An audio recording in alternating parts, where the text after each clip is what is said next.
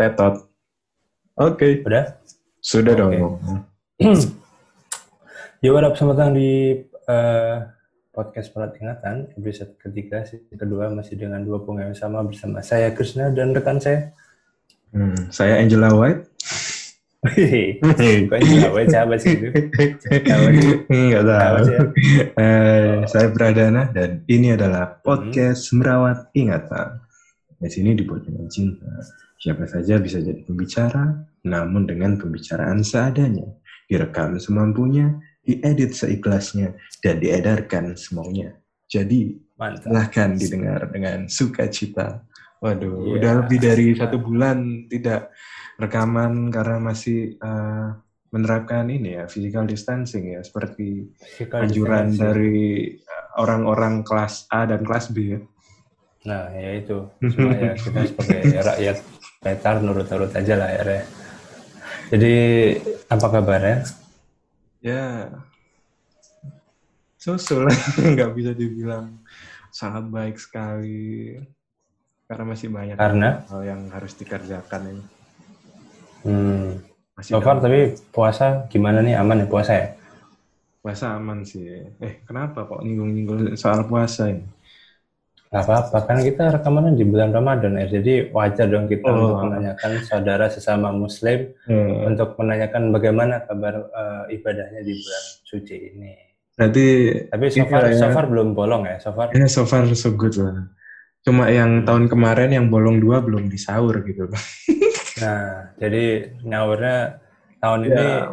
ditambah dua kali berarti ya. iya, benar. Tapi gimana ya, menurutmu tahun ini Eh, Ramadan ini tahun ini? wala- walaupun telat, seenggaknya kita mengucapkan selamat menjalankan ibadah puasa dulu. Ya, ya.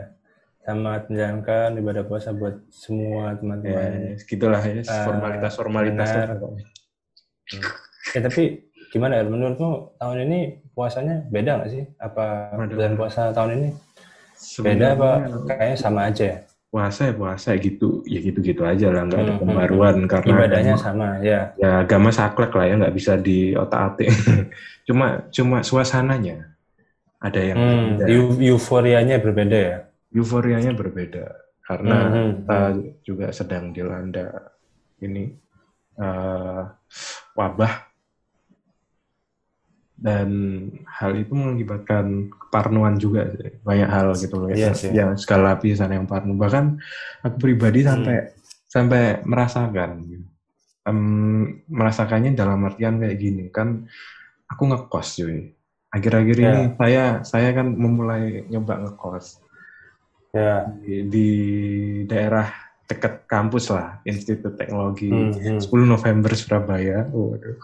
Hmm, hmm. Terus terus. namanya daerah Gebang dan Gebang itu sampai em, ditutup itu jalannya ditutup yang bisa masuk itu akhirnya cuma kayak sepeda motor nggak tahu mobil sebenarnya Hmm. bisa masuk enggak ya ada, ada barikadenya barikade barikade keparnuan keparnuan itu Hmm, hmm. bahkan juga dipasang Hmm, uh, sem- semprotan-semprotan desinfektan otomatis gitu yang hmm, hmm, nggak tahu ya banyak apa kan hmm. Notabene itu kampung kecil dan sebagaimana jalanan-jalanan di kampung-kampung kecil biasanya orang kalau lalu lalang ya kalau sepeda motoran sering kali nggak pakai helm itu kan kena semprotan-semprotan kayak itu ya kayak gimana gitu dan Ya mungkin dia menganggap wajahnya itu benda mati gitu, jadi nggak apa-apa. Nggak. ya kan Kan kan kan- kadang kaosan juga belum tentu kaos panjang bisa aja cuma singlet kayak gitu-gitu tapi itu. tapi FYI kan emang disinfektan itu kan salah satu cairan yang iritan untuk kulit. Jadi memang tujuan penyemprotan itu kan buat benda mati. Jadi info aja nih buat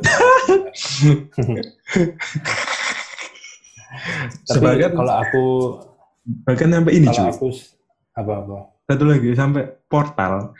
Portal Hmm. yang masuk ke arah kosan gue itu kalau dari dulu Hmm. kan por- portal itu kayak dibiarin aja gitu bahkan aku sampai nggak ngeh kalau itu portal karena warnanya saking pudarnya itu nyatu sama warna tembok yang kemarin pembaruannya Hmm. portalnya akhirnya dicat cuy jadi warna terang Warna tuh apa?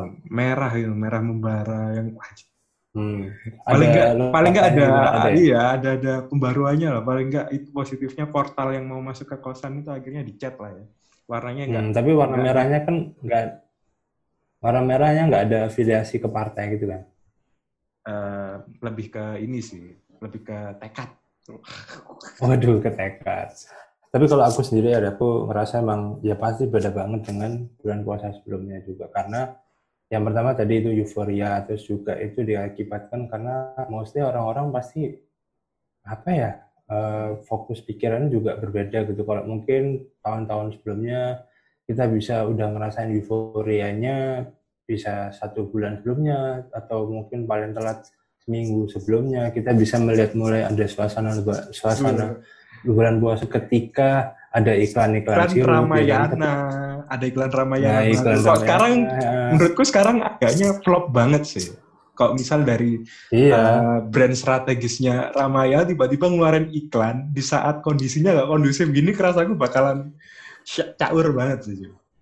Nah, ya itu maksudnya iya paham bang. Jadi kerasa banget kan euforia euforianya juga nggak ada. Terus kayak kalau kayak dulu tuh juga ada biasanya kalau dari beberapa provider kan juga nawarin paket-paket uh, internet sahur. Ini sekarang juga nggak ada gue cek. Jadi kayak ya memang euforianya kerasa beda banget. Dan terutama ini aku juga kemarin kan minggu kemarin hari minggu itu uh, minggu tanggal dua berapa? enam ya itu kan hari puasa kedua tuh kan aku kan uh, sepedaan sorenya hmm. terus waktu sepedaan itu ngelewatin ke daerah Masjid Agung. Nah di Masjid Agung, aku pas ngelatih di daerah Masjid Agung, Masjid Akbar Surabaya itu itu sekitar jam empat seperempat atau setengah limaan itu yang harusnya pada umumnya ketika bulan puasa oh. jam segitu itu udah rame banget di sekitar yeah, yeah, masjid yeah, iya. orang-orang yeah. jual takjil orang jual baju muslim baju koko apa kopiah dan segala macam hmm. cuma itu kemarin kerasa sepi, sepi apa notabene lebih sepi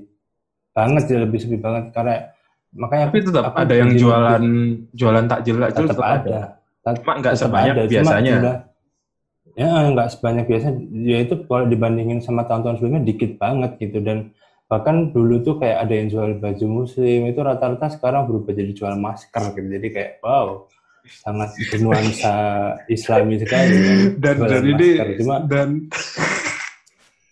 makanya itu mak makanya aku tuh kalau ngelihat orang-orang jualan itu ya, maksudnya uh, mungkin dalam diri mereka ada kesadaran bahwa di kondisi kayak gini kira-kira ada nggak ya yang beli gitu apa jualan mereka. Tapi ya they do it anyway karena mungkin itu salah satu cara mereka untuk cari duit atau mungkin mereka udah kadung uh, beli bahan pokok atau bahan yang cukup jadi eman kalau nggak dipakai pada musim ini gitu. Jadi kan kita nggak tahu. Jadi menurutku adanya kondisi pandemi ini COVID-19 ini benar-benar mengubah banyak hal sih termasuk mengubah suasana bulan Ramadan yang harusnya kita bisa menikmati merasakan euforianya setiap malam. Tapi wow tahun ini benar beda banget.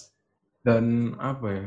Uh, mungkin yang jadi salah satu syaratan kalau um, pada bulan puasa kali ini dan secara hmm. keseluruhan juga ketika wabah ini terjadi adalah peningkatan volume pemakaian plastik sekali pakai mungkin. Dan kalau aku yang iya, iya. paling iya. kerasa dampaknya, uh, ketika pulang ke rumah, ya kebetulan saya masih keliling dari kos ke rumah, kos ke rumah. Ketika pulang ke rumah itu ada kayak tempat pembuangan sampah yang biasanya diangkut sama pemberi apa hmm. pemkot lah ya atau siapa pun itu. Ada tempat pembuangan sampah itu gede itu biasanya nggak sampai meluber ke apa ke inilah ke jalan-jalannya ini nah itu sampai meluber pak hmm. banyak banget hmm. meluber meluber itu dan itu baru rasain ya pas kalau kalau biasanya pas acara ada acara gede di hmm. daerah sana karena kebetulan ada yeah.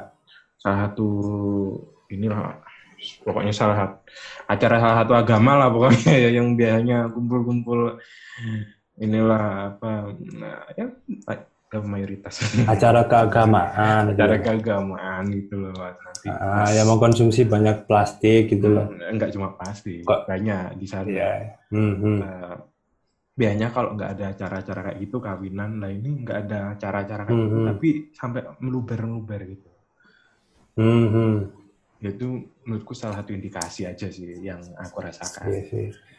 Cuma cuma emang itu juga terjadi karena gini, um, kan gara-gara ada COVID-19 ini juga kayaknya kita jadi makin rajin ya buka uh, duet maut all shop sama m banking ya gitu. Jadi kayak nggak harus nggak harus belanja online yang bareng deh beli beli kayak makanan gitu kayak pakai GoFood atau GrabFood gitu kan uh, datang pasti dibungkus plastik dong. Dan karena kondisi yang seperti ini gitu kan kita jadi parno ini plastiknya aman nggak nih? Jadi biasanya nih kalau di rumah tuh kita plastik itu kita simpen nih kita kita lipat simpen bisa dipakai. Oh, iya. ya, selanjutnya kan tapi gara-gara uh. tapi tapi gara-gara ini jadi parno kan jadi buang aja gitu. Jadi aku juga ngerasa kayak uh, penumpukan volume sampah plastik di rumah itu juga meningkat juga gara-gara ini. Karena mostly sampah apa plastik itu kan kita nggak tahu ini steril atau enggak akhirnya oh ya udah buang aja hmm. tapi gitu. gimana kalau kita beralih kita menyebarkan energi positif aja kan dari tadi udah iya yang sih. negatif negatif aja eh tapi aku nambahin satu lagi sih kenapa, kenapa? sih kalau aku tanya kalau menurutmu uh, himbauan dengan tagar di rumah aja itu itu menurutmu itu cukup efektif nggak sih? Itu cuma efektif untuk kalangan um, kalangan yang nggak di PHK, yang punya rumah, yang udah hmm. settle hmm. hidupnya. mungkin kalangan ini lah, kelas A, kelas B atau mungkin kalau emang kita udah punya punya privilege, misal kayak aku termasuk alhamdulillah orang yang punya privilege gitu maksudnya orang-orang hmm. tua aku kerjanya apa uh, terjamin itu loh salah satu hmm. orang yang pekerjaannya terjamin dan makanya kadang kalau ada orang-orang yang komen-komen apa ya di sosmed ah kok di, di dibilangin ngeyel segala macam aku nggak bisa ngonter balik karena Ya, ya. Aku adalah orang yang punya privilege. Aku nggak tahu gimana kalau orang-orang lain yang mungkin ya. privilege kayak aku. Katakanlah orang-orang yang apa hmm, tukang soal sepatu katakanlah gitu. Hmm, hmm Kalau hmm. dia nggak nggak ider, nggak muter, nggak akan dapat rezeki. Atau iya. apa uh, tukang tambal ban kayak itu. Hmm, Hal-hal hmm. sederhana itu. Dan tapi tukang tambal ban nggak nggak ngiter kan? iya, Nggak, mak maksudku tagar di rumah aja itu bakalan jadi efektif hmm. kalau negara bisa menjamin orang-orang um, mungkin dari kelas C, D dan seterusnya bisa menjamin hmm. mereka untuk tetap um, hidup dengan kadar yang sesuai gitu. Paling enggak seminimal mungkin dari standar mereka sehari-hari yang mana sehari-hari aja mereka ya. kerasaku juga masih kekurangan sekali kan. Iya sih tapi kalau aku sih nganggapnya ini awalnya sih emang sekedar himbauan ya gitu ya. Maksudnya kan sampai kalau kamu pakai provider Telkomsel itu kan pasti di sebelah tulisan Telkomsel kan pasti ada tulisan Aku nggak ada. Jadi ya kamu bukan Telkomsel boleh? Iya, gue XL. Oh kan matamu, goblok. Ya enggak, hanya Telkom bilang hanya Telkomsel. Jadi menurutku sebelumnya kalau kalau menurutku tuh sebelumnya kan itu cuma menurutku tuh hanya sekedar himbauan tapi kalau menurutku sekarang itu sebagai wujud uh, rasa syukur sih gitu karena ya itu tadi yang kamu bilang gitu bahwa tidak tidak banyak orang yang bisa punya privilege untuk bisa tinggal di rumah aja gitu kan. Atau karena masih selain selain itu juga masih banyak orang yang memang harus masih menggantungkan hidupnya di luar rumah. Jadi um, menurutku buat buat orang-orang yang masih bisa bekerja atau banyak beraktivitas di rumah atau punya tempat tinggal untuk kembali setelah bekerja itu itu udah uh, uh, salah satu kenikmatan yang luar biasa gitu loh. Dan dan mungkin mungkin itu jadi sedikit sedikit membuka mata kita bahwa di kondisi di kondisi tanpa kondisi seperti ini aja udah banyak orang yang mungkin belum bisa afford untuk punya tempat tinggal yang layak apalagi sekarang gitu di kondisi yang sulit seperti ini jadi hmm. aku anggap sih tagar ini tuh lebih dari sekedar atau manifestasi atau sebuah bentuk himbauan tapi menurutku juga bentuk sebuah bentuk syukur lah untuk orang-orang yang masih mampu untuk banyak beraktivitas di rumah gitu. Ya, untuk yang Dan tadi katanya ada kabar baik apa ya? Kamu mau cerita apa nih? gimana kita menyebarkan energi positif aja. Sebagaimana kata Boleh, boleh. seorang Jering, Superman is dead, kita harus senantiasa menyebarkan kata-kata positif, eh, energi positif. Oke, Apalagi siap. kalau kita sedang ada di era-era yang seperti ini. Karena kalau kita Hmm. terlalu banyak nih, dikepung nih, em, negatif, negatif, negatif semua. Kadang kita kan rasuk ke otak Hmm. dan Hmm. penyakit itu datangnya dari pikiran. Kalau pikiran kita seperti Hmm. gimana kok kita terus terkena sama eh, penyebab penyakit itu yang asli? Ya kawin lah mereka. Hmm. Eh, kita harus menye- iya. kita Apa harus ada kan ada apa yang kalau secara medis itu psikomat psikomatik atau gimana? Jadi yang Iya, iya. sebenarnya ba- badan kita tuh fine fine aja tapi karena mind kita atau secara mentally kita terpengaruh jadi badan kita terasa tidak enak gitu kan ada yang namanya psikomatik atau gimana Iya, iya, iya, iya. Saya Iya, setuju itu. Gini, apa yang mau dengarkan apa nih yang eh, karena kan semangat sekarang bulan positif puasa. dari Waduh, Mhm. sekarang kan bulan puasa. Kamu punya pengalaman Hmm. ini gak? Masih inget gak pas puasa pertama kali? Pertama kali menjalankan Hmm. ibadah puasa. Kamu punya kesadaran penuh nih. Oh iya, aku menjalankan ibadah puasa. Hmm. Kalau kesadaran penuh ini kan eh, kalau aku ya Pengalaman lah, pertama gak? kali Bebas, bebas. Gak mesti ya ketika punya kesadaran kesadaran penuh. kesadaran penuh itu aku anggap itu ketika aku kepingin melakukannya itu sendiri gitu bukan disuruh ya. Itu SD sih. Jadi, Karena kan saya kan Kelas? saya kan SD kelas 1. waduh. Soalnya kan saya Duh, SD-nya kan SD Apa? SD Muslim, SD Islam. Oh, SD deh, Islam, deh, ya. deh, deh, deh, deh. Padahal, padahal orang tua zaman dulu jadi- itu selalu menekankan ini ya, sekolah harus negeri. Anjing. Kamu beruntung. Ya kebetulan waktu itu mau daftar negeri nggak bisa karena umurnya belum Oh. cukup dulu. Jadi akhirnya saya tidak mau kamu- tidak mau kamu sekolah- dimasukkan mulai sekolah SD. Mulai sekolah Ah. SD umur berapa? Umur dua setengah tahun. Eh, iya kayaknya. Aku Axel saya playgroupnya. ya gitu. Jadi aku merasa kalau yang memang puasa terus karena emang ada kesadaran pengen melakukan sendiri itu dari SD sih. Tapi walaupun motivasinya itu salah satu motivasinya buat ngisi buku Ramadan itu kan. Jadi kalau setiap kalau pas SD dulu jadi kita belum bulan puasa dikasih buku buku ini buku setoran gitu setoran iya ap- apa amalan Itu- gitu jadi Itu kayak bukannya tiap hari dibuat, dibuat kalau pasca teraweh minta tanda tangan sama ini pengkhotbahnya. Enggak, kalau aku dulu dikasih jadi isi apa ada buku gitu isinya tab- tabel 30 hari gitu kita isi jadi kayak amalan hari ini jadi apa eh, salat salat apa aja gitu kan dia salat salat wajib pasti kan tapi situ juga Ya. dimasukin salat salat eh, duha salat tahajud gitu kan salat tarawih gitu kan terus Ah, kayak ada ada notes gitu tambahan kamu amalan tambahan hari ini apa misalkan berbagi takjil kepada saudara-saudara sama muslim atau gimana gitu jadi hukumannya apa? kalau dulu? memang ada Kalau nggak terpenuhi. Huk- hukumannya mungkin dulu perundungan mungkin. Nggak tahu sih kayak kayaknya nggak ada sih.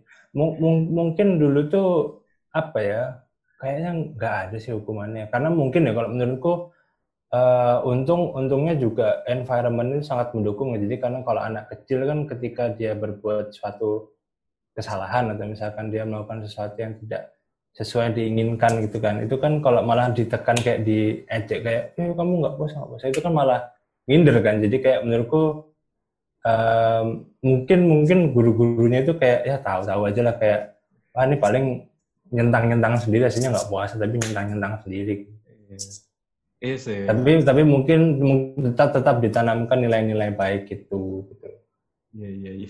Menarik sih menarik.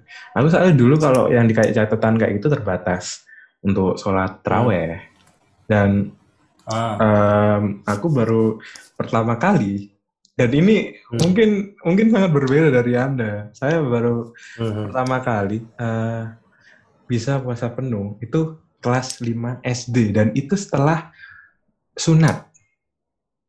Ah, ah. Eh, itu pun karena itu karena, Karena- ada Karena kan setelah sunat kan, terus kamu minta minta ini kan, minta, minta PS, terus minta PS, terus orang tua kayak, oh enggak kamu kalau misalkan eh, PS sudah dibeliin kamu harus puasa full gitu. Enggak gitu ya? Enggak pak maksud Kamu- enggak maksudku gini Jo. Waktu itu juga ada advantage-nya. Karena waktu itu aku Hmm. ada momen pindahan. Kebetulan ibuku pindah eh, kerja dari di rumah di Sidoarjo ke daerah Yogyakarta di Sleman Hmm.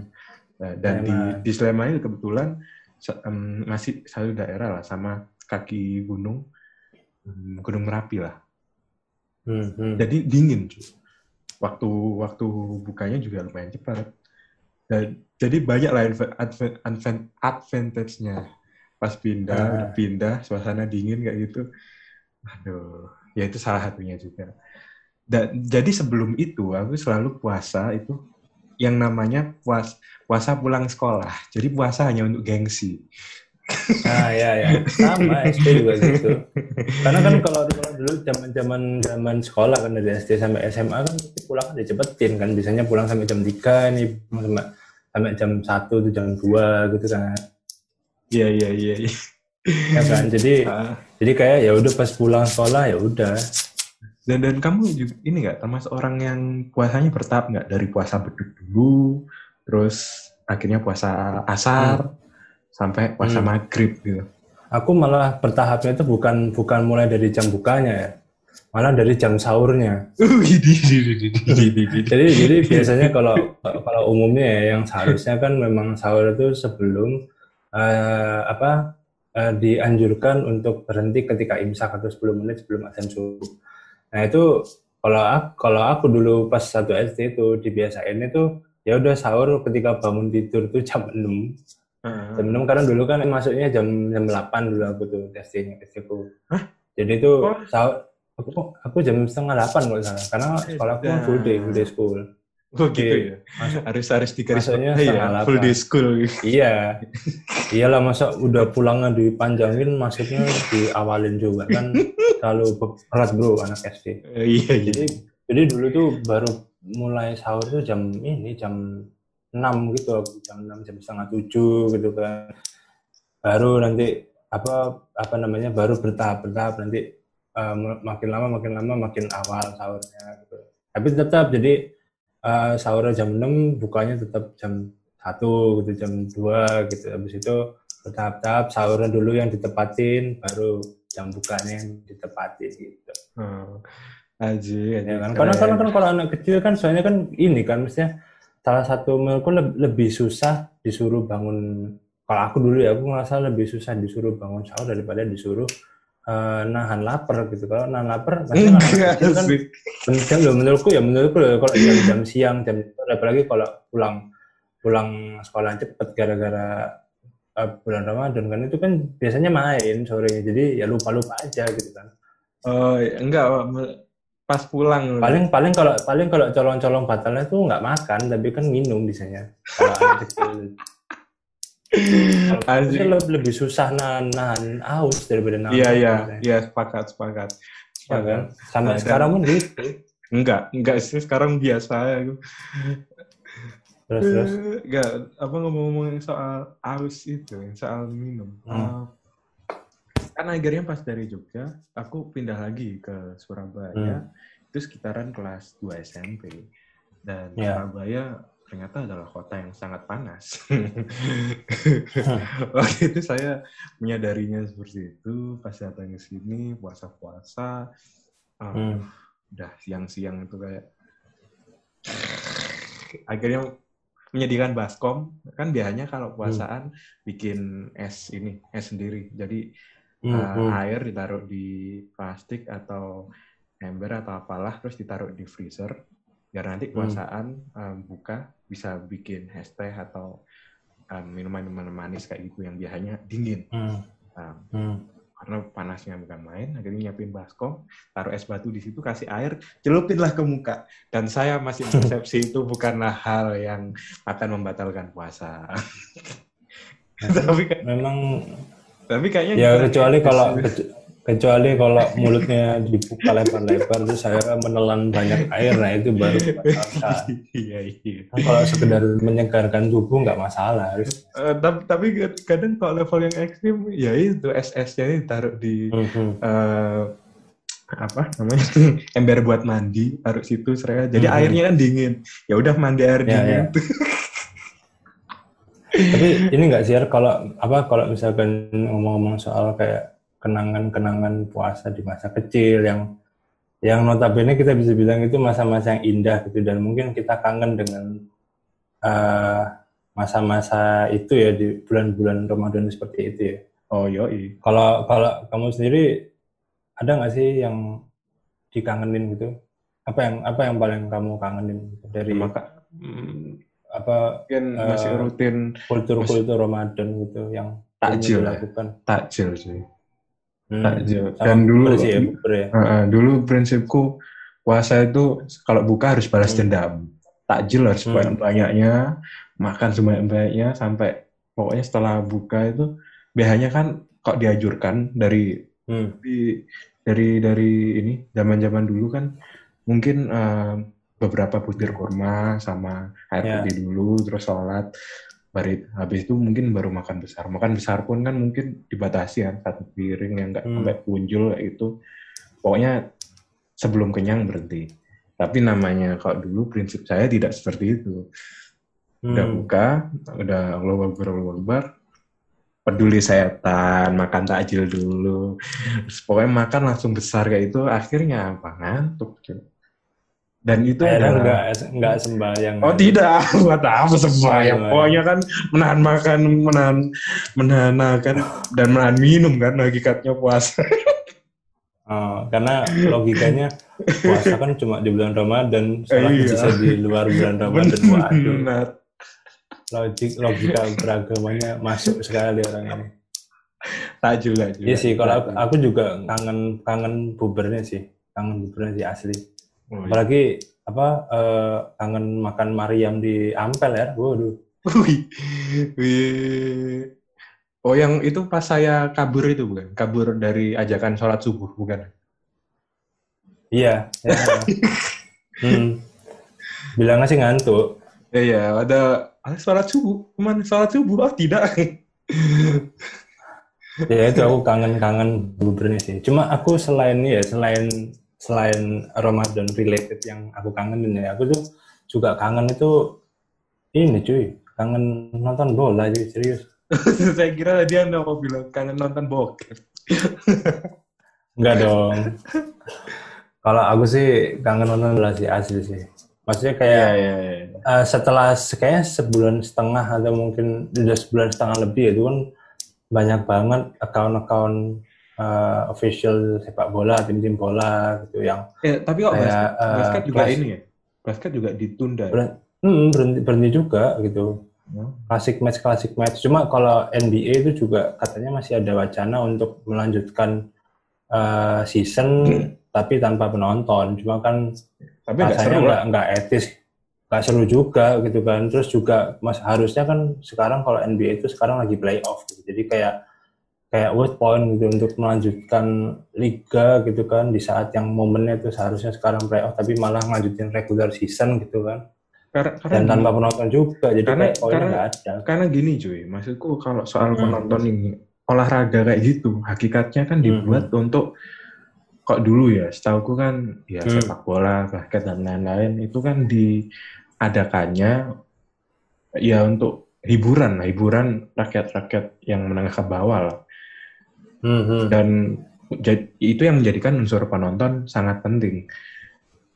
Jadi kalau sekarang Hmm. yang diutamakan bisnisnya terus eh, menafikan unsur penonton ya ya itu jadi hal yang nggak nggak ini sih nggak nggak nggak mengimbris sejarahnya itu sih sepertinya lah ya. iya sih tapi ya ya gimana pun juga aku sih bersimpati juga untuk apa ya owner-owner klub juga ya. Misalnya kan Iya sih. ya dia juga harus gimana dia harus merunning bisnisnya dengan benar juga gitu tanpa pemasukan maksudnya kan salah satu pemasukan besar kan pasti dari eh, apa TV right gitu kan sama penonton di stadion juga ber- berpengaruh. Jadi itu salah sumber pemasukan utama mereka hilang ya. Mereka pasti mikir dong dan dan menurutku banyak banget kok udah tim-tim yang melakukan potong gaji segala macam jadi ya Ya mung- mungkin inilah tim-tim kok di basket mungkin kayak Lakers itu udah harusnya Mhm. em, inilah mm, tidak jauh dari namanya lah ya. Harus mencoba menjual Lakers buat takjil gitu misalnya.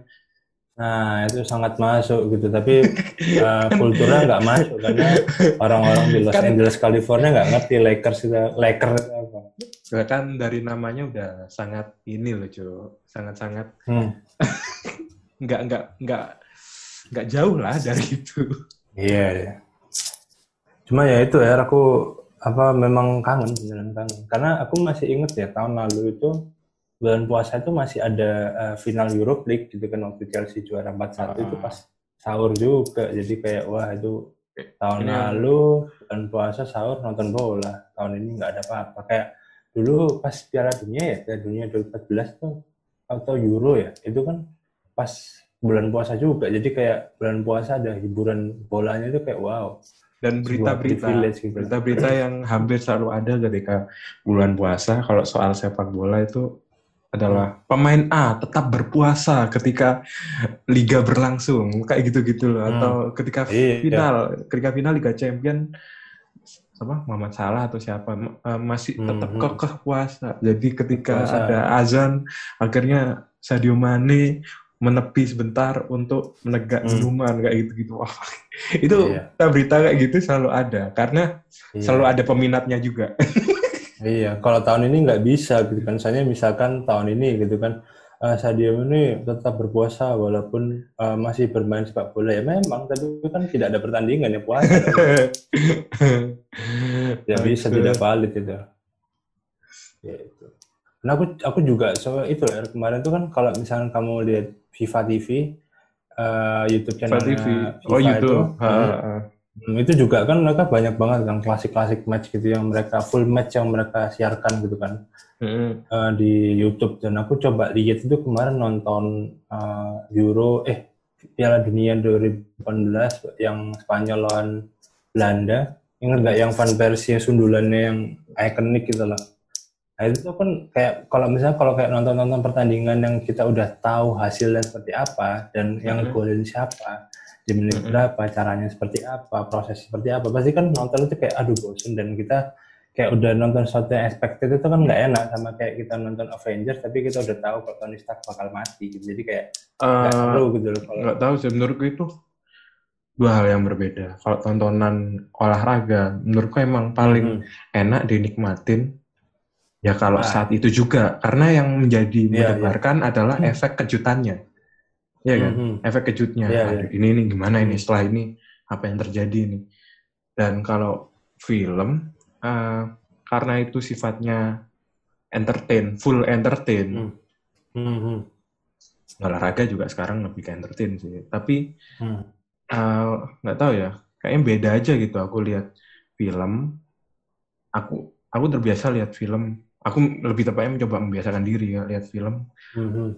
nggak apa lebih dari satu kali dan itu aku masih enjoy Uh, khususnya beberapa film tapi kalau olahraga entah Mhm. kenapa em, aku nggak bisa kayak gitu bahkan yang klasik-klasik match pun katakanlah ketika Maradona gol tangan Tuhan kayak gitu Hmm. walaupun aku belum lahir pada saat itu dan penasaran full match-nya kayak gimana tapi aku lebih prefer untuk nonton highlight Ya, ya. nonton Ah. full match-nya Iya, iya.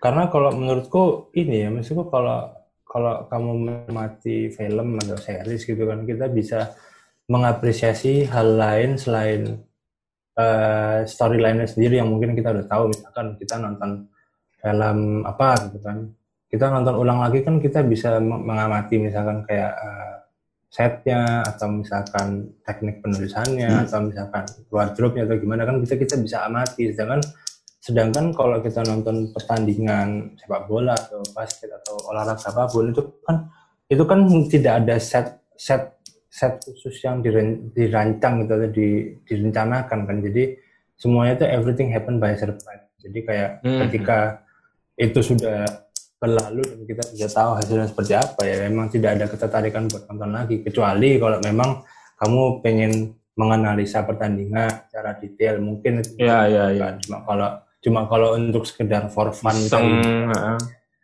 sepertinya sangat tidak cocok gitu kan. Ya, ya, ya, ya. Gitu. Sepakat sih. Apalagi apalagi kalau pertandingannya permainannya sangat penat dan bosankan masih wow. sepakat, sepakat, Gitu. sepakat. Sepakat Ya aku sih harap aku harap sih semoga segera selesai karena saya merindukan banget cuy nonton sepak bola walaupun ini walaupun di layar kaca. Padahal Iya. ya, padahal ya aku tuh aku tuh sebenarnya eh, kemarin itu pas bulan Maret ya, Maret akhir atau April awal ya. Kenapa? Waktu waktu waktu kasus-kasus COVID mulai tingkat tajam di Indonesia, eh di Indonesia itu kapan sih? Ya, ngetrennya, ya, ya? ngetrennya sih akhir Maret, cuy. Ngetrennya lah ya. Akhir Maret ya? Mm-mm, Akhir yang Maret mulai atau April? akhir Maret, mulai-mulai panik-paniknya itu akhir Maret. Kan aku ingat Ah. waktu kalian wisuda yang dihentikan. Wisuda Hmm. apa 22 Maret yang banyak Hmm. anak-anak pada protes gitu. Iya kecewa. Saya sih tidak peduli. Hmm. saya Karena anda, menyelamatkan. Anda belum. Saya sih tetap memberi selamat, tapi saya bilang Ya, ya. maaf waktu waktu itu saya belum bisa datang karena masih mengejar deadline sesuatu. Hmm. Ya itu, aku har- harusnya itu kemarin itu mau udah rencana pengen ke Bali, pengen nonton Bali United. Sekarang ini Tapi- berapa sih, Cuk? Karena tanggal 28. Iya itu kayaknya Hari apa sih? Akhir- hari, hari, hari Selasa kan ya? Sekarang Selasa. Hmm, Kita Selasa. rekaman tanggal 28. Iya. Ini, ini dosen. Ya itu aku akhir akhir Maret itu kemarin padahal rencana udah mau ke Bali pengen nonton Bali United cuma ya harus ditunda dulu gitu lah. Kapan mau nonton Bali United? Rencananya Iya, kapan? ya akhir Maret kemarin harusnya. Cuma kan- Serius? Serius, tapi Ada. belum beli tiket, cuma udah cuma udah persiapan, udah ngabarin Oh. temen yang ada di sana. gitu. Ayo nonton Siapa? bro. Arya? Arya. Halo ya. So-soan. Tetap- tetap- Kita tetap kayaknya- Arya. Kita Kita kayak harus support Arya. Tapi Dan Arya Arya ini juga, ya, kalau di ini mesti di Arya di aku pernah ini bilang kayak Arya ya berarti di bulan Ramadan konten-konten se- setannya berkurang dong ya karena kan setannya dikurung gitu kan. terus Ya udah gitu aja. anjing. Nggak ada klimaksnya udah. Iya, saya kira tak kira ada gongnya gitu, Pak. Misal Nggak ada, setannya cuma berkurang. Lah, kenapa berkurang? Karena setannya liburan. Nah, hal-hal nggak penting. Nggak, Aduh, nggak, aduh. Enggak ya, enggak banget lah ya. jangan tidak nggak banget lah. Enggak banget. Nggak kekinian lah jokesnya. Oke, udahlah. Ya udah kayaknya sudah cukup ya. Iya, cukup dulu Cukup lah ya. ya. Kalau itu apalagi mungkin ada yang mau diomongin. Em, kayaknya itu dulu. Ada Nanti ya. di di di pirit-pirit lah. Ini, Jadi- ini aja deh. Aku tanya deh ke kamu. Uh, hal apa yang akan kamu lakukan pertama kali ketika uh, kondisi sudah berjalan normal? Wah, standar sekali ya pertanyaannya. Mm-mm. Apa Saya ya? aku penasaran. Aku sebenarnya nggak nggak tahu saya belum punya tujuan yang pasti atau apa. Hmm. Mungkin mungkin Hmm. kok yang sangat jelas eh, nongkrong di warung kopi, laptopan, Nah, tak itu. mengerjakan hal Hmm. yang entah kalau masih mengerjakan TA mengerjakan TA kalau untuk sekedar nongkrong. Kalau sudah di DO ya enggak. Goblok, jangan doanya doanya nggak bisa ditolerir ya. Maksudnya kalau Terus, saya terus. pribadi sih nggak nggak terlalu permasalahan. Orang tua saya yang permasalahan kalau hal itu terjadi. Iya, iya. Oke, lanjut terus terus. ya mungkin yang Ya, jelas itu aja ya. kelihatan mata sih yaitu nongkrong sama ini cuy nonton bioskop Nah, itu sih sama sih. nggak nggak pengen di Sama sih. all around you you Pengen cuy. Pengen cuy, kangen cuy. Kangen makan popcorn nih cuy. Ay, popcorn mahal cuk. Hmm. popcorn pop- popcorn kontol. Loh, loh, loh, loh, loh, loh. Ya sih kalau aku sih kalau yang mungkin aku lakukan mungkin apa ya ya nongkrong itu ya di eh, warkop Warkop. Etan. Nah. Etan mania. Padahal, padahal Etan tidak ada kipas anginnya mas sekali. Kemarin terakhir pas aku nyoba ngedit di sana, uh sauna bangsa. tapi tapi warkop itu bukan yang dijual itu kadang bukan tempatnya tapi sentimental value-nya itu yang dijual gitu Aduh, aduh, aduh, aduh, kedekatannya. aduh, aduh, aduh. makanya kan warkop itu warkop itu mah konsep warkop itu selamanya tidak akan pernah mati dan coffee shop itu bisa mati tapi konsep Oh. warkop itu sampai kapan pun karena dia tidak menjual produknya tapi sentimental value kedekatan dengan sama customer sama uh, penjual gitu kan itu yang Dan- dan itu dijual ada gitu. ada ada pendekatan sejarahnya Cuk ternyata. Kalau kita ternyata sangat dekat dengan budaya ngobrol. Dan itu udah sejak dulu. Mhm. Ya, ya mungkin sekarang agak kekikis-kikis dan kesekat-sekat. Udah ngobrol dari nenek moyang Indonesia atau gimana? Iya, budaya nenek moyang Indonesia dan itu kebawa ke banyak Ah. hal, ke banyak hal gitu. Dan itu aku baru tahu setelah baca juga sejarah perfilman Indonesia. Kenapa Hmm. film-film kita itu banyak hal yang eh, apa ya, verbalnya kuat banget gitu loh. Bahkan cenderung apa telling daripada showing Hmm. di film Ya, ya, ya, benar, pada benar. umumnya. Pad- Padahal padahal harusnya bener kan showing bukan telling kan. Eh, itu menurut teori barat. Mungkin kalau kedekatan budaya lebih cocoknya sih ya agak disadur sih, tapi nggak nggak pure harus Hmm. telling. Tapi kebanyakan kalau film Indonesia itu em, lebih dekat pendekatannya itu telling karena ada pendekatan unsur budaya tadi. Kita budayanya sejak dulu Hmm. kental banget lah budaya budaya ngobrolnya. Dan itu yang Ya kebawa. itu. Di warkop. Karena kan konsep coffee shop kan dari barat. Hmm. Da- Dan Hmm. namanya Coffee coffee shop shop udah sendiri kan dan nama coffee kan shop sendiri udah Inggris. ini Jo. Iya Jo, lebih lebih membuat em, mar- market value-nya jadi lebih kayak terdengar lebih fancy, lebih mahal gitu. Akhirnya ada kalangan-kalangan khusus sendiri mungkin ya. sana. Nah itu, gitulah. Ya itu salah satu yang aku pengen lakukan sih warkop lah. Karena melihat Etan yang ramenya luar biasa, tiba-tiba bisa sepi kayak Iya, gitu. Kayak, Sekarang wow. Sepi pol, Tapi udah ditutup udah di sebulan lebih, udah sebulan lebih. fucking, tapi nggak ada nggak tahu nggak ada usaha untuk penambahan kipas angin kayak Mas- blower blower. Nah itu nggak tahu, nggak Itu tahu. tetap apa tetap mungkin mungkin masih berusaha, ini, mungkin masih berusaha inilah mem- memangkas budget karena mungkin ownernya harus ini nyicil mobil baru kan. Ini bisa-bisa mbak-mbaknya yang jilbaban kok biasanya cuma pakai lengan pendek, ini sampai jilbab tapi pakai singlet tetap. karena, kepangkas. Ya karena karena nggak ada customer juga jadi ah tidak mas tidak ada yang melihat. tapi tetap pakai hijab. Ya Allah. Bercanda ya kok. ya udahlah bercanda bercanda ya, itu. oh sama ini sih sama ke, ke potong rambut sih pengen sih aku Waduh. Aku akhirnya potong rambut sendiri, Cok.